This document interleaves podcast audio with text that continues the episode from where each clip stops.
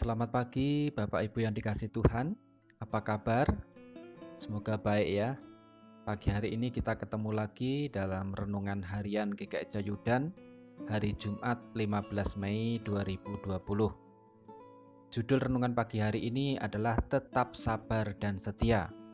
Bacaan diambil dari kejadian 8 ayat 15 sampai 20 Saya akan bacakan beberapa ayat sebagai berikut Lalu berfirmanlah Allah kepada Nuh, Keluarlah dari bahtera itu, engkau bersama-sama dengan istrimu, serta anak-anakmu dan istri anak-anakmu. Lalu keluarlah Nuh bersama dengan anak-anaknya dan istrinya dan istri anak-anaknya. Lalu Nuh mendirikan mesbah bagi Tuhan, dari segala binatang yang tidak haram dan dari segala burung yang tidak haram diambilnya beberapa ekor Lalu ia mempersembahkan kurban bakaran di atas mesbah itu. Amin. Demikian bacaan firman Tuhan. Mereka yang berbahagia adalah mereka yang melakukan firman Tuhan dan memeliharanya dalam kehidupan sehari-hari. Bapak Ibu yang dikasih Tuhan, pasti saudara setuju kalau menunggu itu sesuatu yang membosankan. Apalagi kalau kita menunggu dalam situasi yang tidak mengenakan, pasti itu akan sangat menyiksa. Nah, saya punya pengalaman menarik saat masih ngantor di Jakarta.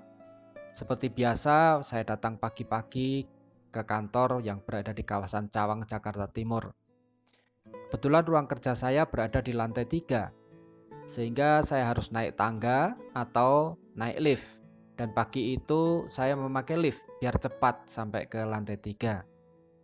Saat berada di dalam lift, tiba-tiba listrik mati, sehingga lift berhenti agak lama. Beberapa rekan dalam lift mulai panik dan berteriak-teriak.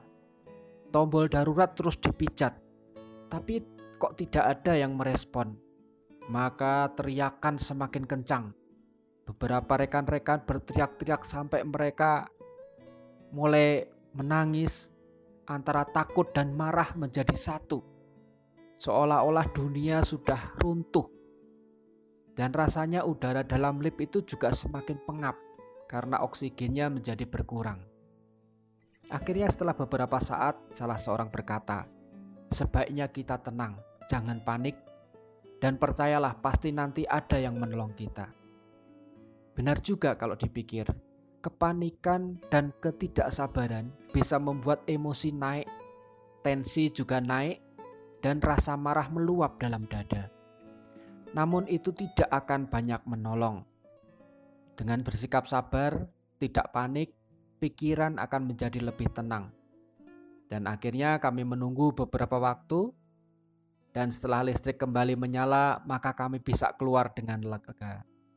Nah, pelajaran yang sangat berarti pada pagi hari itu adalah tetap tenang dan sabar walau dalam keadaan terjepit.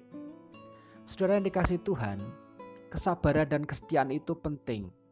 Dari bacaan di kejadian 8 kita bisa menyaksikan bagaimana Nuh taat kepada Tuhan, setia dan sabar melaksanakan perintah Tuhan. Olok-olokan dari para tetangganya saat Nuh membangun bahtera itu pasti juga mengganggu Nuh dan bisa mematahkan semangatnya. Tetapi Nuh tetap setia dan taat kepada Tuhan. Dia sabar melaksanakan perintah Tuhan untuk membuat bahtera sesuai apa yang diperintahkan Tuhan. Kesabaran Nuh itu kembali diuji saat dia dan keluarganya berada di dalam bahtera.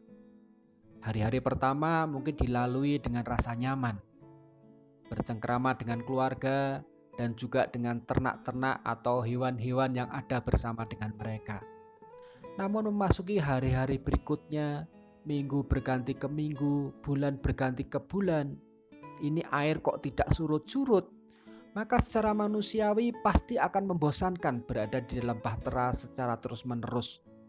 Dia hanya bisa melihat itu-itu saja.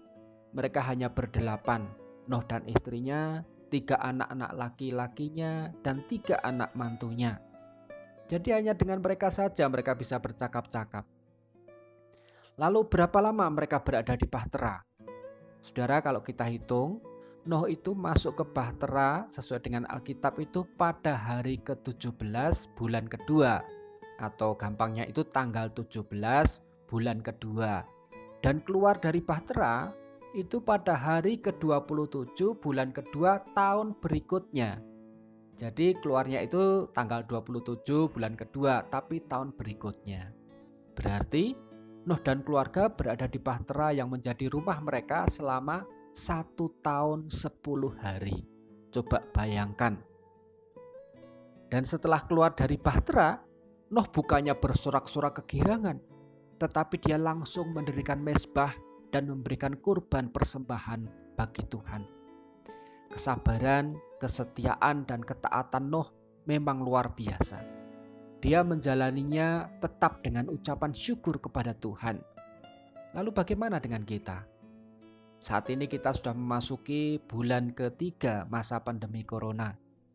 Rasanya sudah tidak betah di rumah, inginnya segera keluar, jalan-jalan ke mall, makan-makan di restoran, ke tempat-tempat rekreasi yang menarik, biar hati ini tidak jenuh. Bandingkan dengan Nuh, dia dalam bahtera selama satu tahun sepuluh hari, tanpa HP, tanpa televisi, tidak bisa video call, hanya bisa berbicara kepada istri, anak-anak, dan berdoa kepada Tuhan. Tapi saat lepas dari air bah, yang pertama dia lakukan adalah menyembah Allah.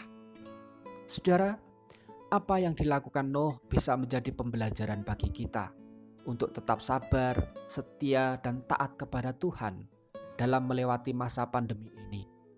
Karena Tuhan ada dalam setiap permasalahan untuk membuat iman kita semakin tangguh.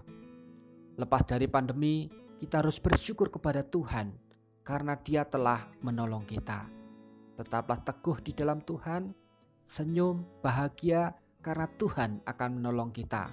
Isi hari-hari kita dengan bersuka cita dan dengan aktivitas yang baik untuk memuliakan Tuhan.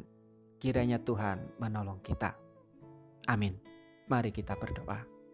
Ya Tuhan pada pagi hari ini kami bersyukur kepadamu. Kami diajar melalui firman-Mu Tuhan untuk tetap sabar dan setia dalam segala situasi. Belajar dari Nuh yang selama setahun sepuluh hari berada di Bahtera. Maka dalam masa pandemi ini Tuhan biarlah kami juga tetap bertahan dalam rumah kami untuk tetap memuliakan Tuhan, melakukan aktivitas kami, menolong orang lain melalui doa kami, melalui perhatian kami. Terima kasih ya Tuhan. Dalam kondisi seperti ini kami percaya bahwa Tuhan akan menolong kami. Terima kasih dan jika sebentar kami akan melanjutkan dengan doa doa syafaat kami dengarkan ya Tuhan. Di dalam Tuhan Yesus kami berdoa. Amin.